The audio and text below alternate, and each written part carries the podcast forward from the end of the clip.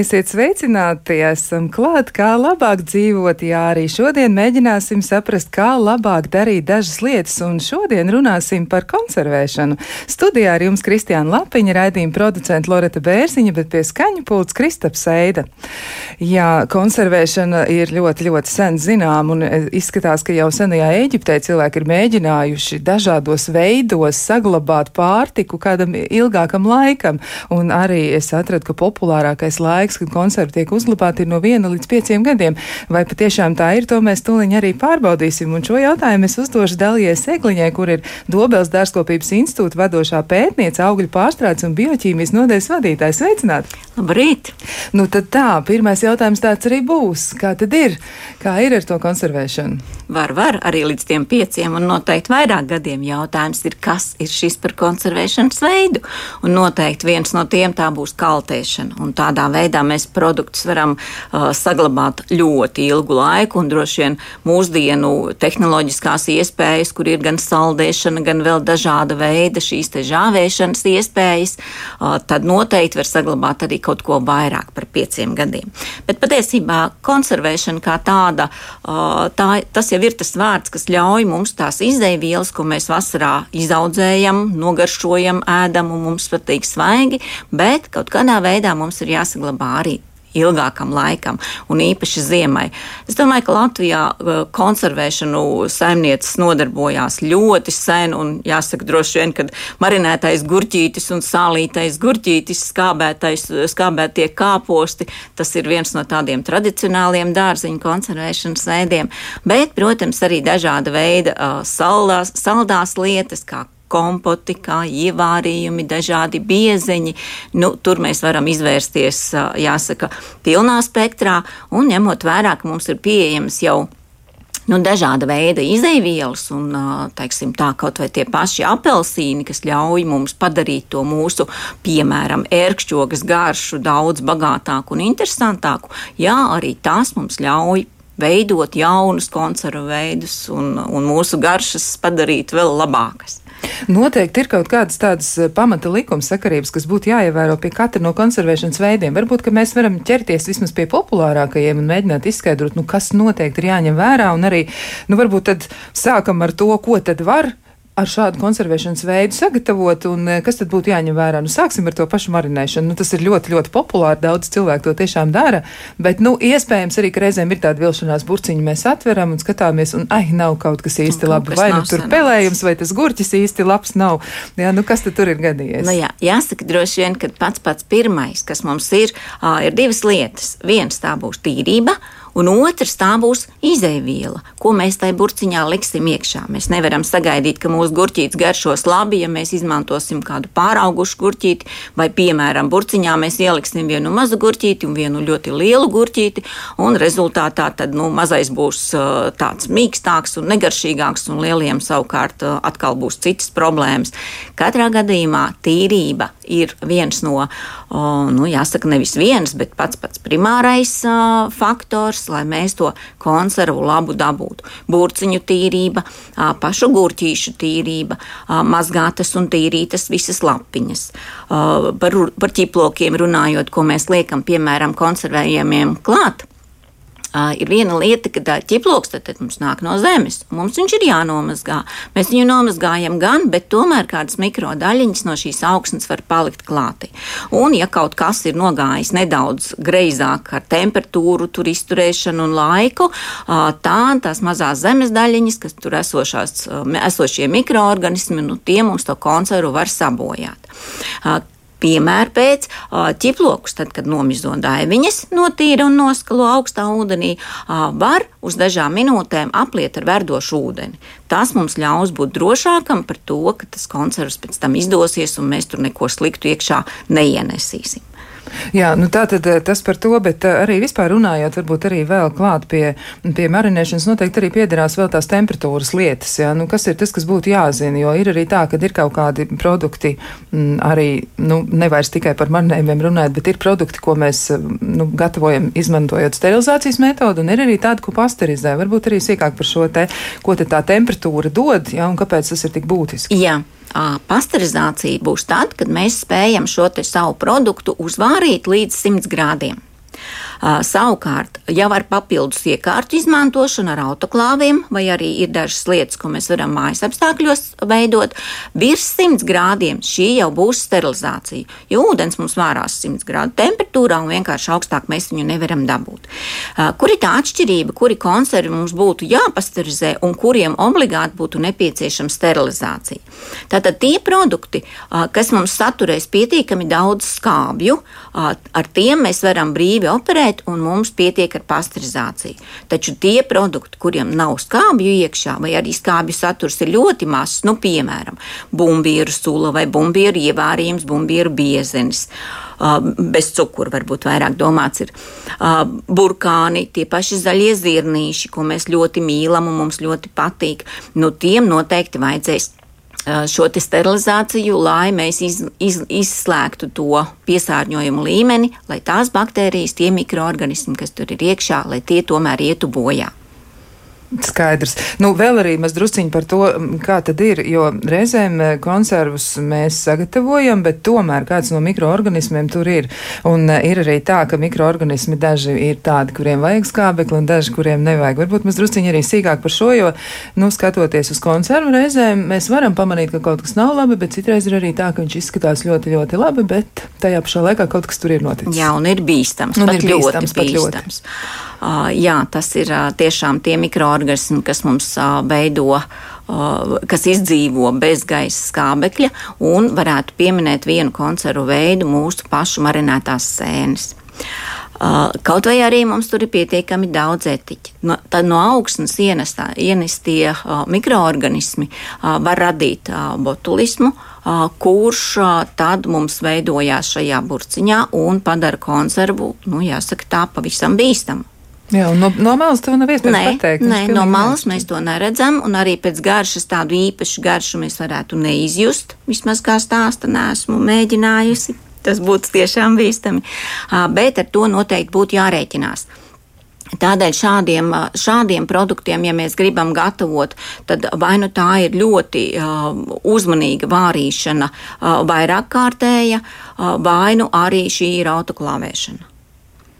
Tā tad pilnīgi noteikti, ja ķeramies pie tā autoklāvēšana, mēs varam arī savā ziņā nu, mēģināt mājās Varam. Veikt ar cepeškrāsni. Uh, varam veikt ar cepeškrāsni, tas būtu viens, un otrs vēl varam veikt, ja nav nepieciešams tiešām 120 grādus te, grādu temperatūra.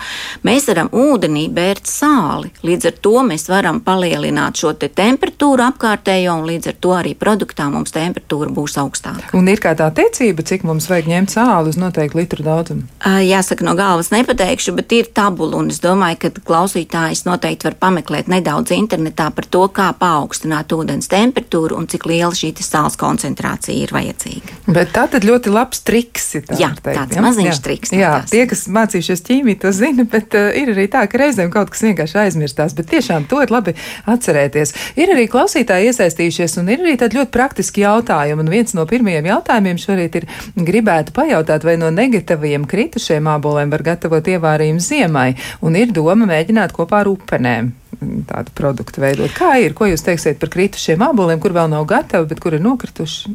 Jā, kritušos ābolus var izmantot. Mēs paši esam veikuši dažādus pētījumus par šo mazo ābolīšu uh, izmantošanu, pulvera pagatavošanai un tālāk jau tas aiziet uz medicīniskiem mērķiem, jo tas sastāvs, kas ir tajā brīdī, tajā kritušajā ābolītī, kad viņš vēl nav gatavs, uh, viņā vairāk ir cietas iekšā. Un, protams, dažādi šie fenola savienojumi, kas uh, ēšanai to mazo ābolīti padara nu, nepavisam nebaudāmu. Bet savukārt izmantot noteikti varat, tikai jāuzmanās noteikti būs no tā, cik daudz jūs tās upenes vēlaties likt klātī, jo ābolīts pats ir nedaudz tā kā sīvs, viņā iekšā noteikti ir šie te fenola savienojumi un tanīni, jeb rūgtvielas, miecvielas, kas, nu, padara to garšu tādu sabelkošu. Es drīzāk ieteiktu pamēģināt kaut ko nu, kaut ko maigāku, kaut ko saldāku pielikt klātī, un tad jums varbūt tas ievārījums pavisam interesants izdodas. Un arī noteikti kādu no garšvielām, vienalga āboliem, piemēram, labi piestāv kanēlis. Jā, varbūt tur var skatīties ar kādu kanēļu miziņu, uzlabot šo aromātu un to garšu. Bet uh, upenes, jā, noteikti kā, nu, kā C vitamīna avots noteikti tur varētu iekšā derēt, bet garšojiet, kā jums labāk patīk. Kā vispār ir ar tiem vitamīniem? Nu, ja mēs apstrādājam termiski produktu, cik tad tur tie vitamīni izdzīvo, jo ir tāds kaut pieņēmums. Kas kaut kas tomēr tur Jā, vēl ir. Ja? Nav tā. tā. Nav jau tā. Nu, piemēram, tas pats jūtīgais C vitamīns, kuram uh, nevajag nemaz temperatūru, pietiek ar to, ka mēs jau nazi pieliekam klātī, jau viņš sāk, sāk sadalīties. Uh, bet vērot un uzmanīgi vērot un ne, te, laiku ļoti garu nelietojot, mēs varam saglabāt nu, kādu pusi vai trešdaļu no tā, kas ir pašā izēvielā. Nu, piemēram, ja upenēs mēs pieņemsim, ka ir kāda šķirne, ko izmantojat, būs 100 mg, 100 gramos upeņu, nu, tad kādi 30 mums vēl paliks tur iekšā. Tātad, Bet tas būtu jāpatestē. Ir? Kaut kas noteikti vēl tur ir.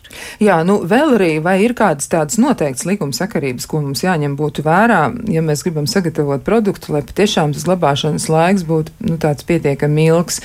Nu, kādas ir varbūt biežākās kļūdas, ko cilvēki pieļauj, kad viņi taisa konservus? Ko viņi dara nepareizi? Iespējams, ka uh, viena kļūda būs tās receptes uh, nu, uzlabošana vai pārveidošana. Man nepatīk tik daudz cukuru, es likšu mazāk. Ja gribas likt mazāk cukuru, tad, ja mums jāskatās ir uz uh, cita veida cukuriem, kaut tie paši uh, pektīna cukuri, kuriem ir nedaudz klātī konservanti. Un tas mums nodrošina, ka mēs tam ievārījumam drīkstam pielikt mazāk cukura, bet šie cukurā esošie jau iestrādātie kon, pievienotie konservanti, viņi mums ļaus to produktu jā, padarīt garšīgu, baudāmu un drošāk uzglabājamu. Kas tie ir par konservantiem? Jo ir tās mazākās cukuru paciņas, ja tās ir arī domāts konservēšanai veikalā, arī bieži vien tās ir atsevišķi kaut kur noliktas. Ir standarta ja? konservanti, kālijas orbāts, nātrija benzāts, kā nu kurā tas ir iekšā pievienots, bet tie ļauj jā, mūsu produktu saglabāt ilgāk un ar tiešām ar mazāku cukuru daudzumu. Skaidrs, bet tā tad nu, aizrauties ļoti ar to recepšu pārveidošanu nevajadzētu. Nu, varbūt nevajadzētu. Un, ja jūs to darat uh, tā, ka esat jau pārbaudījuši, ka jums ir izdevies, uh, arī mājas apstākļos noteikti var pagatavot biezeni pilnīgi bez cukura konservētā veidā, taču ar ļoti, ļoti lielu rūpību un ar ļoti uh, precīzu tehnoloģijas ievērošanu. Jā, un tie svaigie produkti, tie tomēr ir ar tādu īsāku uzglabāšanas laiku. Mēs noteikti, jā, svaigiem produktiem. Jā, īsts brīdis. Nu, piemēram, varbūt, kā piemērs, tas gan varbūt nebūs konservēšanas veids īsti, bet mums ļoti patīk smūtiji, un tie ir ienākuši mūsu uzturā pēdējos gados ļoti aktīvi. Un uh, bieži vien ir šis pieņēmums un uh, reklāmas sagatavo gatavu un dodies, kur tu pa ceļam to visu vari baudīt. Un tad mazliet viņa vajadzētu padomāt, īpaši šajā te uh, mūsu pagājušajā karstajā vasarā, ja mēs no rīta sagatavojam skaisti blendētu ogu maisījumu un vēl vēlamies pielikt klātī kaut kādus tur zaļumus vai uh, vēl kas nu mums patīk, tur piens vai, vai jogurts. Nu, un ja mēs visu dienu viņu turēsim siltā telpā un birojā un vēl, nu, tad mēs varam drusciņi arī iedzīvoties. Uh, ātrākās kājās, nekā mums vēlētos. Un tas labums, kas mums būs bijis pēc principa sagatavo un dodies un baudi, nu, tad viņš var pārvērsties tāds nevisai tīkams. Jā, tāda nelāga pieredze būs tajā dienā. Bet vēl klausītājiem ir arī par eh, pasterizāciju un sterilizāciju, kas bilstams, jo, nu, ja izmanto šāda veida paņēmienu, jā, tad kas tad paliek pār no vērtīgajām vielām? Nu, drusciņi paliek, bet pārāk daudz nepaliek. Un klausītāji saka, ka tad jau labāk izmantot fermentācijas paņēmienus. Varbūt mēs drusciņi sīkāk pastāstīt pastāstīt par fermentēšanu, jo tas kļūst aizvien populārāk, un cilvēki aizvien vairāk pievēršas fermentēšanai un izmanto arī šo paņēmienu, gan tā iemesla dēļ, ka tas produkts ir tāds ļoti, ļoti derīgs, ja, un arī veselībai noderīgs, un arī diezgan viegli to ir darīt, bet tomēr arī tur ir noteikumi, kas ir jāievēro. Jā, nu tieši tā, atkal atgriežamies pie tā paša, cik mums ir laba, tīri sagatavota izēviela, un cik tālāk mēs droši un tīri strādājam ar mūsu visiem traukiem, ar šiem te fermentiem, jeb mikroorganismiem mikroorganismiem, ko mēs pievienojam klāt. Un, protams, arī šīs uzglabāšanas laikā vai arī pašas fermentēšanas laikā mums tā tīrība ir viena no svarīgākajām. Jo, ja mēs kaut kur uh, piesārņosim no malas ar kādām citām baktērijām, piemēram, kādiem pelējumiem vai raugiem, tad, diemžēl, tie svešie var pārņemt tos, ko mēs tik ļoti tur gaidām. Ja dažādas šīs pienskābes baktērijas, bifidobaktērijas, kas ir dažādos maisījumos pievienošanai, nu, tur jābūt ir tiešām tā tīrība ir viens no svarīgākajiem faktoriem. Nu, piemēram, mums ļoti patīk arī šī pati tējas sēne, kas aizvien nāk populārāk. Un, jā, veselībai visnotaļ viena no labākajiem variantiem, lai mēs šīs dzīvās baktērijas dabūtu sev iekšā. Jo ēdot savu pārtiku, varbūt katru dienu mēs tik ļoti nepaskatāmies, kas ir šajā produktu sastāvā. Un, ja mēs lietojam produktus ar daudziem konservantiem, tad beigu beigās tie konservanti ietekmē mūsu kuģa problēmas un uh, iznīcina mūsu labās baktērijas. Kaut kā viņas atpakaļ ir jādabū. Un šie fermentētie produkti tiešām ir izcils avots, ar ko mēs varam atgriezt un uzlabot savu veselību. Nu, tur galvenais tiešām ir tās tīrās rokas, jā, jā un, un noteikti. tīrais produkts un tīrā tāra, kur mēs to gatavojam. Vēl arī jautājums ir par to, nu, kā tad, kā tad skābēt pareizi, jo arī tur ir savas viltības, un citreiz ir tā, jā, ka tie skābētie gurķi gandrīz vai kāp no burkas ārā un iet kaut kur projām, un, un, un viņas nevar lāga noganīt. Un tur arī ir tādas populārākās kļūdas. Ko jūs teikt, kas skābēšanā noteikti būtu jāievēro? Skābēšanā sāksim ar to pašu tīrību, bet varbūt, kad ir tā skābēšanā, mums ir noteikti jāpaskatās par temperatūrām, par to, kā mēs pirmo reizi ieliekam, tad saliekam visu, vienalga vai tie būs gurķīši vai, vai kādus citus dārziņus vēlamies ieskābēt, lai mums tajā brīdī, kad mēs ieliekam tā temperatūra, būtu tāda, lai, tā, lai tie mikroorganismi organisms sāk attīstīties. Un tad, kad mēs redzam, ka, nu, piemēram, ja istabā ir mazliet par vēsu, apsedzam apsedzam ar kādu sēdziņu vai kaut ko, protams, uzmanīgi, lai burciņai vāciņš ir uh, varbūt tāds nedaudz mazliet vaļā, lai gaisa skābeklis piekļūst klātī un apakšā ir kāds trauks, ja nu gadījumā mums kaut kas pārskrien tai burkai pāri. Apsedzot, mēs vismaz pirmajā dienā iegūstam to siltumiņu, kas ir vajadzīgs uh, šo te labo baktēriju attīstībai, un tad, kad mēs redzam, ka šis te jau ir sācis labi strādāt, nu tad ir atkarīgs no tā, cik skābētu un cik stipru mēs gribam šo produktu, un vai nu mēs Trešajā dienā, piemēram, liekam augstumā leduskapī, vai mēs ļaujam vēl, jo, ja mēs pārskābēsim, tad atkal savukārt nebūs, nu, nebūs mums patīkams produkts. Jā, vēl klausītājs saka, ka viņi ir arī tāds garšas nianses atklājuši, un e, iespējams arī, ka kādam tas noteikti ies pie sirds, jo viena no klausītājiem raksta, ka šogad at, viņi ir atklājusi, ka pie ievārījuma var pievienot ingveru minimāli, ļoti, ļoti maz, un viņi raksta, ka viņai patīk tā garšas nianses. Un ko jūs sakāt par ingveru pievienošanu? Noteikti. Noteikti. Cevišķi, ja mēs to gatavojam, piemēram, ziemai, tad, kad mums ir uh, liels augstums, klepus un iesnas un viss kaut kas tam līdzīgs, uh, tad šīs te ingveru ievārījums uz maizītes būs izcils jau uh, pirmais solītis uz atvesaļošanos. Arī sasildi. Arī sasildi, tieši tā. Vēl par uh, dažādu veidu konservēšanas tehnoloģijām. Nu, viens no klausītājiem raksta tā, šoka sasaldēšana nogām, augļiem, dārzeņiem, vai tas arī skaitās konservēšanas paņēmiens? Jā. Tas ir sa sasaldēšana arī viens no konservēšanas veidiem, tāpat kā kaltēšana vai žāvēšana. Un, um, kam ir vajadzīga šī šoka saldēšana? Tas nozīmē, ka mēs sasaldējam šo produktu ļoti, šo izēvielu logu vai, vai kādu augļu gabaliņu ļoti ātri. Uh, un kāds ir mērķis šai šoka saldēšanai? Mērķis ir tāds, ja mēs vēlamies atkausētu gabaliņu tikpat skaistu bez iztecējušas sulas, tad mums ir nepieciešama šī šoka saldēšana. Uh, kādēļ viņa veidojas tā? Tādēļ, ka tie sasalšanas laikā mazie uh, ūdens uh, kristāliņi ir maziņi, ja mēs ļoti ātri sasaldējam. Savukārt, ja mēs lēnāk saldējam, tāpat viss sasalst, bet ledus kristāliņi veidojas lieli un tie sadurst šūnas. šūnas maliņas, un, teiksim, tā atkausējot, mums tas tā suliņa iztek ārā. Tur nu būs jautājums, ko mēs vēlamies. Vai mums obligāti mājas apstākļiem ir vajadzīga šī šoka saldēšana? Ja gribam atkausētu zemeni, piemēram, uzlikt svaigu uz tortes, jā, tad mums viņu vajag. Taču, ja mēs to zemeni pēc tam vienalga blenderēsim un liksim kādā kokteilītī vai kā pēc tam pat ievārījumu vārīsim, tad nu, mums gluži šī šoka saldēšana nebūs nepieciešama. Jā, nu tas var varbūt drīzāk tiem cilvēkiem, kuri vairāk kaut ko konservē un iespējams arī realizē kaut kādu daļu no produkcijas, jā, un tad tas jā, varētu būt tehnoloģijā, tas, jā. tas viens no tādiem iespējamiem veidiem. Bet droši vien jau var arī iegādāties eh, tādu tehniku, ko var izmantot arī mājās, ja nu kādam tiešām kārtas tā zeme. Nu, var, jā, var. Jā, nu vēl arī jautājums ir eh, no klausītāja, no šī paša klausītāja arī par to, vai ir kāds apkopojums par dažādu ražotāju cukuriem un tā saucamajām e-piedevām, jo, nu, kā viņš raksta, faktiski sanāk, ka visi konservanti, ko pieliek cukuram, skaitās e-vielas. Vai tā ir un vai ir Jā. jums kādi dati par to? Uh, daudzus gadus, jā, visi, visi konservanti būs zem ēvielām, zem vārdiņa, zem sadaļas konservanti, un tur tad viņi būs dažādi. Un uh, katrai produktu grupai, piemēram, ja tie mums ir ievārījumi vai kaut kur cit, vai kāda cita veida produkti, tur būs zupas vai, nezinu, vēl dažādi citi, katram mēs varam izmantot savu veidu konservantus. Uh, bet par šo te cukuru apkopojumu.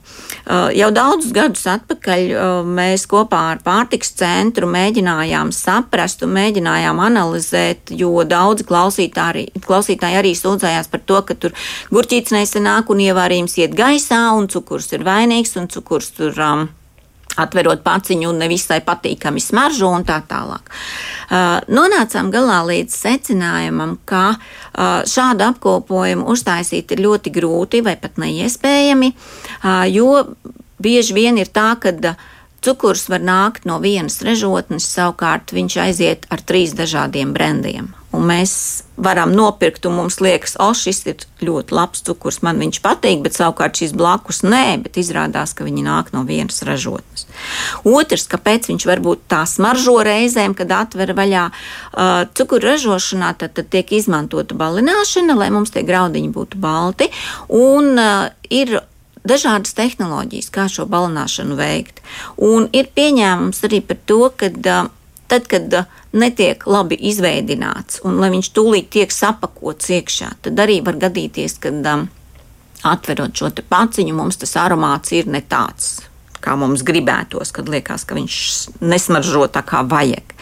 Uh, bet uh, katrs uzņēmums to savu tehnoloģiju, protams, neizplata, un tas arī viņiem nebūtu jādara. Uh, līdz ar to, jā, atgriežoties atpakaļ pie datu bāzes par cukuriem, viņu sastāviem, nē, diemžēl tāda nav, jo tas ir ļoti sarežģīti, jo cukurs nāk mums ne, netiek ražots vairs Latvijā, bet viņš nāk pāri robežai. Līdz ar to, nu, jāsaka, tā kā filmā, ar visiem dokumentiem man viss ir kārtībā.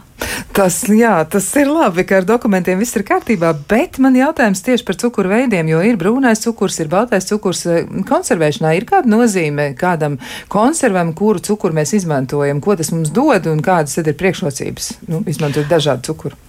Konservēšanā visbiežāk izmanto tikai balto cukuru, un kāpēc neizmanto Uh, krāsainos cukurus, tāpat kā neizmanto krāsaino sāli. Uh, katra tā piedeva, kas ir palikusi iekšā, piemēram, brūnajam cukuram, mums tad, tad tur ir palikušas dažādas uh, sastāvdaļas no, no cukurbietēm vai no cukurniedrēm, kurām pēc garšas mums it kā cukurs patīk, viss ir kārtībā, konditorijai mēs varam izmantot, bet tiklīdz jūs ieliksiet iekšā kompotā vai ievārījumā, tās tie liekie savienojumi, tas smukais brūn, tā smukā brūnā krāsa un vēl viss pārējais kas tur ir iekšā, viņš izmainīs jūsu produkta garšu. Ja esat atklājuši, ka tas brūnais cukurs ir ok, kad jūs esat uh, uzvārījuši kādu ievārījumu, nezinu, pievienojot, piemēram, kādu to pašu kanēli, ingveru vai tur krustnagliņas, kas ir kāds specifisks. Uh, Tad jūs viņu varētu izmantot, bet, ja esat pārliecināti, ka jums tas neizmainīs garšu, to, ko jūs vēlaties sasniegt. Un ar sāli ir tieši tas pats.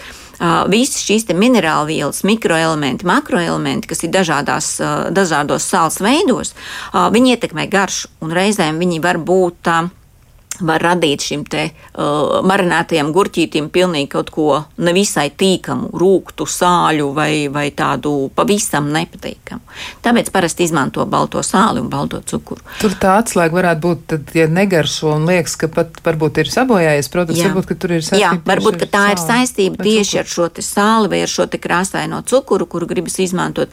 Uh, visticamākais, ja gribas eksperimentēt ar šādiem, uh, ir jā, ir daudz recepts, kurā rakstīts ir, ka var pie pievienot brūno cukuru un tā tālāk, bet tad šim te konservam vai, piemēram, ievārījumam, nu tad viņam būs pavisam īsts derīguma termiņš, leduskapī varbūt tur kādu nedēļu mēnesi, jā, lai mēs apēdam, bet tas nebūs uzglabāšanai ilgstošākam laikam, jau ziemai. Skaidrs. Vai ir taisnība, ka zemenes, kuras ir blendētas ar cukuru un sasaldētas, tātad vispirms sablendētas ar cukuru uzreiz kopā un sasaldētas, satur vairāk vērtīgu vielu nekā vienkārši sasaldētas vesels ogas? Un kāda no dietoloģiem esot savu laiku tā izteikusies, ka tā tas ir? Vai tā ir taisnība? Uh, ja tic zinātniskiem pētījumiem, tad jā. Jo kur ir tā mazā niansīte? Uh, Tad, kad mēs pievienojam cukuru, mēs nedaudz stabilizējam tās bioloģiski aktīvās vielas un vitamīnus, kas tai zemenītē iekšā ir.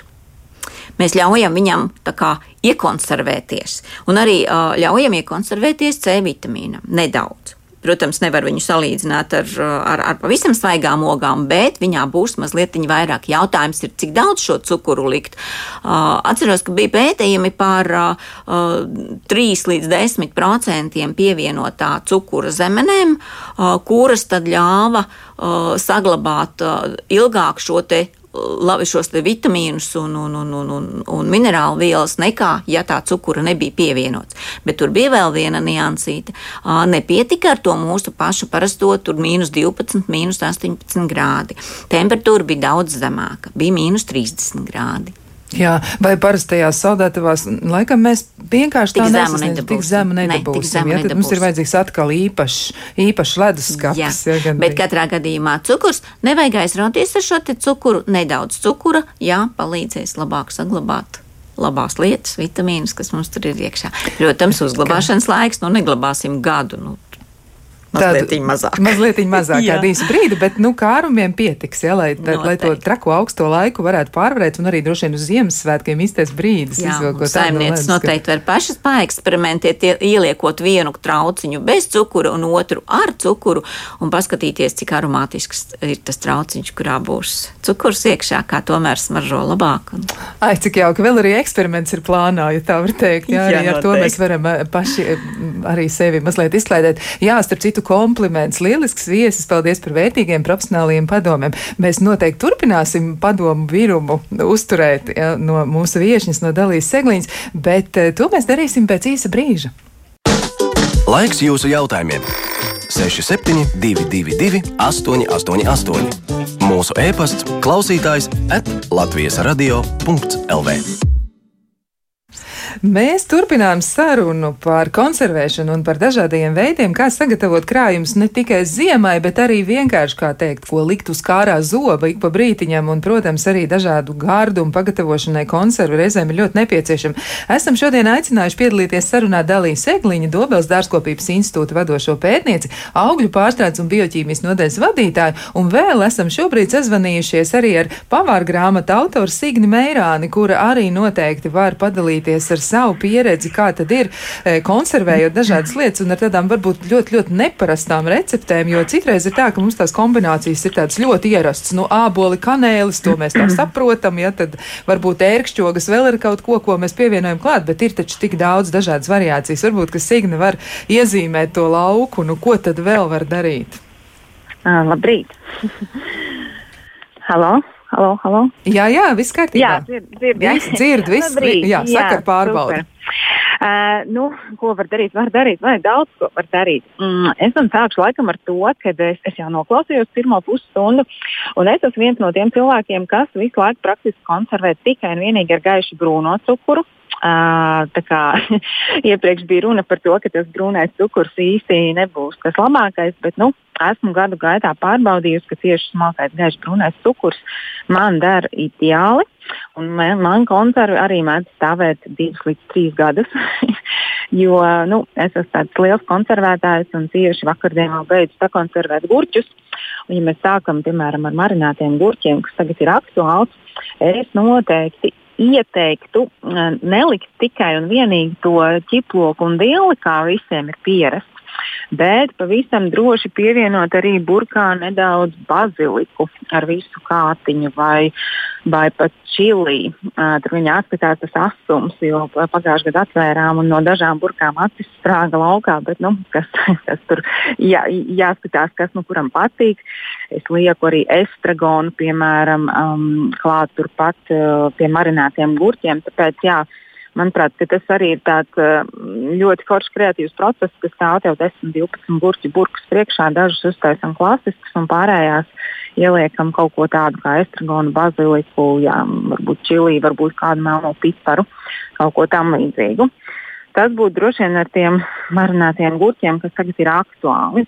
Un savukārt, ja domājam par pa ievārījumiem, tad es teiktu tā, ka uh, vajag droši izmantot ļoti daudz un dažādas garšvielas. Nu, piemēram, viena no manām mīļākajām kombinācijām tūlīt sāksies plūmes, un es jau vakardien dārzkopības institūtā biju pēc plūmēm Dobelē.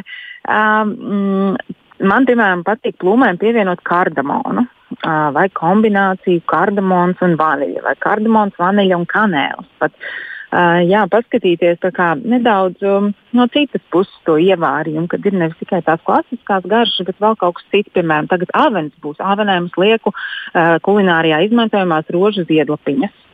Uh, tagad ir aprikozes. Arī tajā pašā dārzkopības institūtā pērku aprikozes un savāri ievārījumu ar lavandu.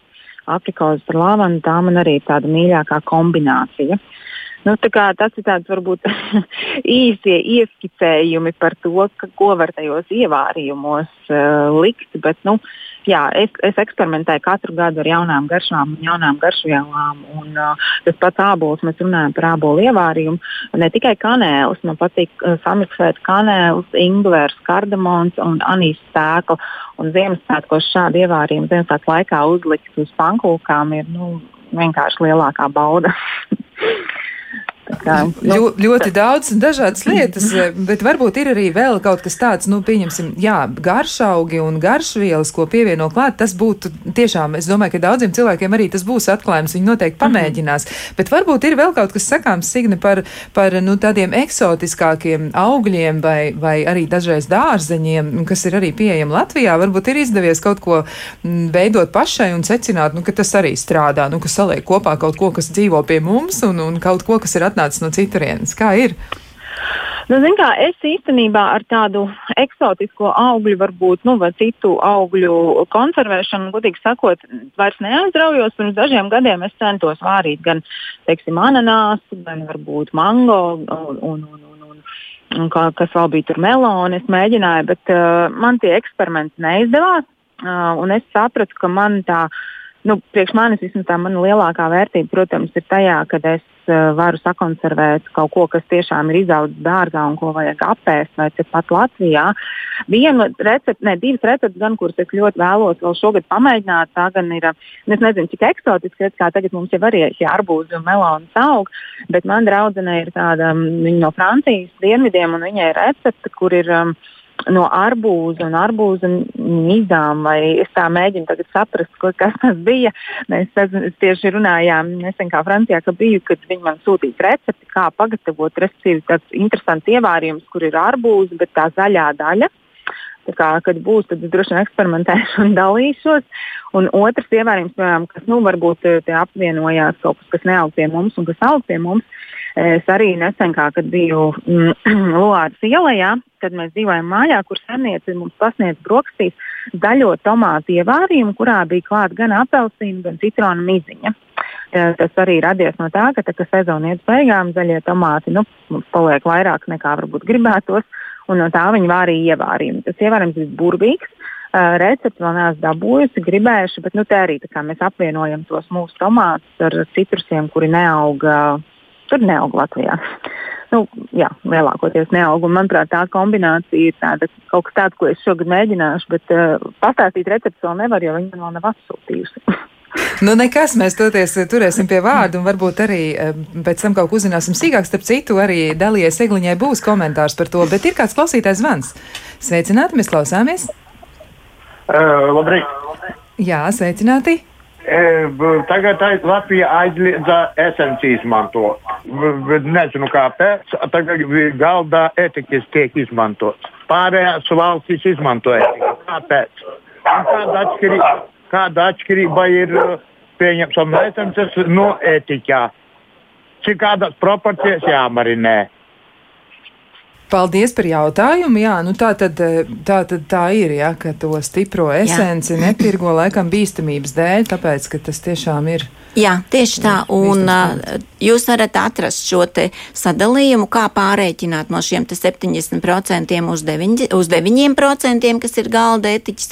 Uh, šī tabula ir pieejama uh, tā, tā saucamajās konservēšanas vadlīnijās, kas ir zemkopības ministrijas mājaslapā zem pārtiks veterinārā dienesta. Jūs varat atrast konservēšanas vadlīnijas, un tur iekšā jums būs tabuliņa, cik daudz likt. Uh, šo 70% etiķi atšķaidīt, lai jūs dabūtu 9% etiķi. Jā, nu ja nav pie rokas tas internets, ja, tad varbūt kādam var jautāt, e, kas ir blakus, lai paskatās, bet ja, bet, bet ja tiešām netiek pie tā interneta, varbūt ir tāda vieglā matemātika, ko atcerēties. No galvas noteikti nepateikšu, bet um, tur varētu būt um, kādas astoņas karotes galda etiķis veidosies no vienas karotes um, 70% koncentrētās nu, etiķes esence. Aptuvenais varētu aptuven, būt tas viens stiprais pret astoņiem jā. vājākiem, bet nu jāpadomā, jā, un jāpaskatās, tomēr jāpārbauda, jo var gadīties arī, ka mēs iebraucam grāvī, ja mēs tā, nu, neizskaitām līdz galam. Ir vēl kāds klausītājs zvans. Sveicināti, mēs klausāmies, lūdzu! Labdien! Sakiet, Labdien. lūdzu, kā varētu rudenī izmantot melnā plūškoku ogas, kā, kā, ko ar viņām darīt? Paldies par jautājumu. Jā, melnais plūškoks. Nu, varbūt arī Signē ir kaut kas sakāms par to, vai ir tāda pieredze vispār? Nē, patiesībā tieši ar melno plūškoku man nav. Es, es esmu tā, kas taisa plūškoku ziedu sīrupu pav nu, pavasarī, vasarā. Bet uh, melno plūškoku tieši pašus uh, augļus neesmu taisījusi, jo pagājušajā gadā gribēju, bet mums kaut kā nebija. Uh, Un esmu pirkus līdz šim. Varbūt kolēģi var pastāstīt kaut ko vairāk, jo es sūs vispār, nu, teiksim, es zinu, ka sūs ir ļoti labi, bet tā nav mana spēcīgā puse vispār. Skaidrs, jā, bet tad mēs jautāsim Dalies Egliņai par plūškoku, kā tur ir. Jā, Ar plūškoku esam arī eksperimentējuši, un plūškoku sula ir tiešām uh, izcila. Un, uh, kā Signe jau minēja par šiem ziediem un ziedu sīrupu aromātisko, jā, protams, ziedus nogriezīsim, ogu nepaliks. Bet tā, tad, kad mēs tiekam līdz ogām, ir viena maza niansīte, kas noteikti ir jāievēro. Tad, kad jūs ogas novācat, jums tās ogas izspiežot sulu, vai nu šī sula ir jāuzvāra, vai vislabāk ir jāuzkarsē pašas šīs te ogas, un tad ir jāizspiež sula, jo tur ir nedaudz um, savienojumi, kas ir. Nu, kas varētu teikt, ir nedaudz kaitīgi veselībai, ja jūs ēdīsiet svaigus. Uh, runājot par to, tad gan rodas jautājums, kāpēc putni rudenī novāc tikai svaigās olas un viņiem nekaiš nekas. Bet ko darīt ar plūškoku sulu? Uh, plūškoku sulu var ļoti labi izmantot dažādu sīrupu pagatavošanai. Un tas, kas ir izcila kombinācija, kā Signa minēja par šo garšīgo ievārījumu ar dažādiem ingveru, kanēli, krustnekliņām un visām šīm Ziemassvētku garšvielām, uh, tad no plūškoku zīmes ziedu, no plūškoku ogu sulas mēs varam pagatavot līdzīgu sīrupu. Mēs varam mai, maigāku šo garšu padarīt, pievienojot citas, citu ogu sulu uh, un arī kaut ko skābu. Nu, piemēram, vai nu to pašu krumcidoniju sulu klāti šim sīrupam, vai dzērveņu sulu, vai vēl kādu tādu intensīvāku, skābāku sulu, kas mums to sīrupu padarīs garšīgu. Bet jāņem vērā, ka tiešām ka šīs plūškoku ogas ir ļoti uh, veselīgas un veselībai noderīgas, un tautas medicīnā arī viņas tiek izmantotas. Jā, nu vēl arī klausītāji piezīmēja, ka, piemēram, Vācijā, Vācu zemē, ja plūškoku vārījuši žēlējā un arī laikam jā. dara tā izspiež sulu un tad vāra ar cukuru. Nu, tāds arī, jā, jā ļoti populārs paņēmiens. Jā, un vēl arī no klausītājiem ir piezīme par to, ka nu, kādā raidījumā no, par tomātiem ir izskanējis viedoklis, ka zaļajos tomātos esot ķīmiskas vielas, kas aizsargā augu no kaitēkļiem. Ja? Nu, pats augs par sevi rūpēs. Un savukārt dienvidnieki uzskata, ka Eiropas ziemeļos augi ir vitālāki, jo temperatūras svārstības dodot augļiem dzērieniem dzērieniem un nogām, nu, visur, kur to lieto, daudz spēcīgāk aromātu. Vai tā ir temperatūras svārstības padara to visu krāšņāk? Taisnība. Arī jā, taisnība. Jā, arī taisnība, jo kas būtu ar zemenēm, ja viņām mums nebūtu temperatūras svārstības, viņas tik labi nemaz nesmaržotu. Tas arī viens no iemesliem. Temperatūras svārstības un jā, mūsu varbūt šis skarbākais klimats, viņš ļauj tajos augļos ogās uh, uzkrāties daudz vairāk šīm bioloģiski aktīvajām vielām, jo viņi jau paši sevi sargā. Mēs jau esam tie, kas to izmanto, jā. bet patiesībā viņi ražo sev to visu, lai aizsargātu sevi. Signē bija kas piebilstams. Jā, es, es starp citu par tām zemenēm varu teikt tā, ka nu, es esmu tāds ļoti liels uh, zemeņu ēdājs kopš bērnības, bļodām uz spaiņiem. Un vienmēr esmu ceļojot, uh, nu, visur mēģinājusi zemes, vai tā ir Francija, Spānija, vai Kalifornija, vai Turcija. Un es, uh, es bieži vien saku, ka nu, ir daži produkti Latvijā, kuriem mums vēl ir daudz kur jāstrādā, un es nevienmēr visu slavēju, bet par zemenēm visā pasaulē es vienmēr esmu teikusi, ka uh, garšīgākas zemenes kā Latvijā nav nav, jo mums jādēļ tās ilgās nogatavošanās dēļ klimatiskiem apstākļiem mūsu zemes iegūst daudz vairāk aromātus, daudz vairāk šīs garšas īpatnības un īpašības. Un otra vieta, kur vēl bija garšīgas, tikpat bija Valdā Lielai Norvēģijā, bet tās man, manā pieredzē daudzajā ceļošanas uh, es varu pateikt, ka nu, Latvijai, lai nu kas, bet zemes ir manuprāt labākās pasaulē, tur es pilnīgi piekrītu. Redz, kā arī tas ir. Arī tas tātad ne tikai mums ir medaļas sportā, jau kur esam Jā. labākie pasaulē, bet arī, arī zemenes mēs varam Jā. vinnēt kādu konkursu vai sacensību. Nu, vēl arī klausītājiem ir piezīmes par to, ka plūškoku, ogu un ābolu ievārījums ir burvīgs. Bet vēl jautājums ir par to, ko darīt ar aronijām. Varbūt, ka dalījai Segliņai ir ko teikt, ko tad darīt ar aronijām, jo ierasts jau ir aronija sīrups. Aronijas sīrups, jā, jā aronijas sula, aronijas sīrups. Nu, jāņem vērā, ka aronija tomēr vairāk vai mazāk būs mērķēta uz konkrētu patērētāju grupu, kam ir šīs medicīniskās problēmas, jeb runājiet par asinsspiedienu. Uh, bet, ja jūs gribat mazliet pamainīt šo aroniju uh, garšu un aroniju uh, izmantošanas veidu. Uh, mēs tikko ar kolēģi kopā pabeidzām vienu tādu kopā ar skolēnu zinātniski pētniecisko darbu par aronijām un viņu izmantošanu. Kur tad viņas var likt un ko no viņām var pagatavot? Un mums sanāca tāds ļoti interesants fakts kā bezaltikuma tehnoloģija. Tātad mēs paņemam ogas, mēs viņus sasaldējam un izspiežam sulu. Labi, sula ir viens, bet tālāk mēs šīs šīs ogas. Uh, ieliekam cukuru sīrupā, kuram atkal savukārt pieliekam mazliet kaut ko skābu. Nu, šajā gadījumā pieņemsim citronu sulu ar mazliet citronu viziņu, lai dabūtu labāku aromātu. Uh, iz, izturot un izžāvējot, mēs iegūstam brīnišķīgas un garšīgas sukādas aronijas. Tāpat arī šis aronijas sirds, pēc tam, uh, kurš tad veidojās no tām izsaucamajām izspiedām vai spiedpaliekām, viņš ir daudz maigāks, patīkamāks un nu jau piemērots visiem cilvēkiem, ne tikai tiem, kam vajag samazināt šo asinsspiedienu. Nu, un tad vēl ir, kad varam izmantot tādu lietu kā aktivēto ogli, jeb mūsu pašu uh, zināmo uh, melno ogli, lai mazinātu šo rūkumu. Ir, da, ir vairāk zinātniski pētījumi par to, kā šo aktivēto ogli izmantot citām sulām, bet tieši lai aronijas sulai nomāktu šo tanīnu daudzumu iekšā, uh, var pielikt klātī šo aktivētās ogles uh, tabletītes, izturēt vairākas stundas, tad viņu filtrēt, un tad šī sula jau būs daudz pieejamāka un garšīgāka. Rekā, arī tas, arī tas, arī varbūt vēl signēja arī, kas ir sakāms par šo. Uh, jā, man, piemēram, nu, man patīk gatavot nedaudz aronijas pievienot ābolu ievārījumam. Es gan ogas, nu, to proporciju tur tā, es vienmēr skatos uz dāci, bet ogas no sākuma nedaudz savāru. Un, uh, nu, tā lai bišķiņi paliek mīkstākas un ir viegli sablenderēt, es viņu kā sablenderēju. Un, un tieši to blenderēto masu es vāru kopā ar āboliem, ar ievārījumu. Arī, piemēram, to pašu citronu mīzu vai apelsīnu mīzu man patīk pielikt, un, un, un, un arī vaniļu varbūt. Un, un tādu es vāru tā kā, nu, tādu ābolu aroniju iekrāsotu uh, ievārījumu ar garšvielām, kas gan krāsas ziņā man patīk, gan arī īsnībā garšas ziņā. Un tad arī tie tanīni, kas ir aronijās, tik ļoti nejūtās, bet tomēr ir šīs nianses uh, skaitās. Arī tās lietas mēs ņemam vērā. Nu, vēl ir tā, ka klausītāji visādas lietas vēl ir pierakstījuši. Ja, piemēram, aronijas sulē pasterizējot, ir jāliek klāt eh, citronu sula un ķiršu lapas, un tad sula garšo pēc ķiršiem. Ja, arī tāds ļoti, ļoti vienkāršots veids. Es arī atradu vēl vienu klausītājas komentāru, ka viņi nav atradusi vadlīnijās nekādu etiķu pārreķināšanas tabulu. Man gan izdevās te tā fonā mēģinot meklēt, es atradu, bet varbūt jūs vēlreiz pasakiet, kur ir jāmeklē, un varbūt arī var atslēgvārdus vienkārši ierakstīt un atrast. Es domāju, ka jūs liekat atslēgu vairākus vārdus konservēšanas vadlīnijas un meklējiet zemkopības ministrijas mājaslapā, Zempārtiks veterinārā dienestā, tālāk tiem dokumentiem, kur ir dažāda, dažādi normatīvie akti produktu pārstrādēji.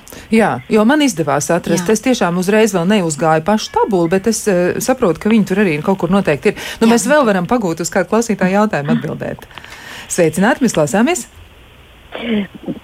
Pastāstīšu, kā jāsagatavo cidonijas ar aronijām priekšziemas. Uz 3 litru burku 20 nesagrieztas cidonijas iemet 3 saujas aroniju ogu, uzlēj virsū ūdeni uz 3 litriem 500 gramu cukura un ziemā brīnišķīgi. Un gatavošana ārkārtīgi vienkārša. Mm. Paldies! Ļoti vienkārši. Tiešām tāda vienkārša, Jā.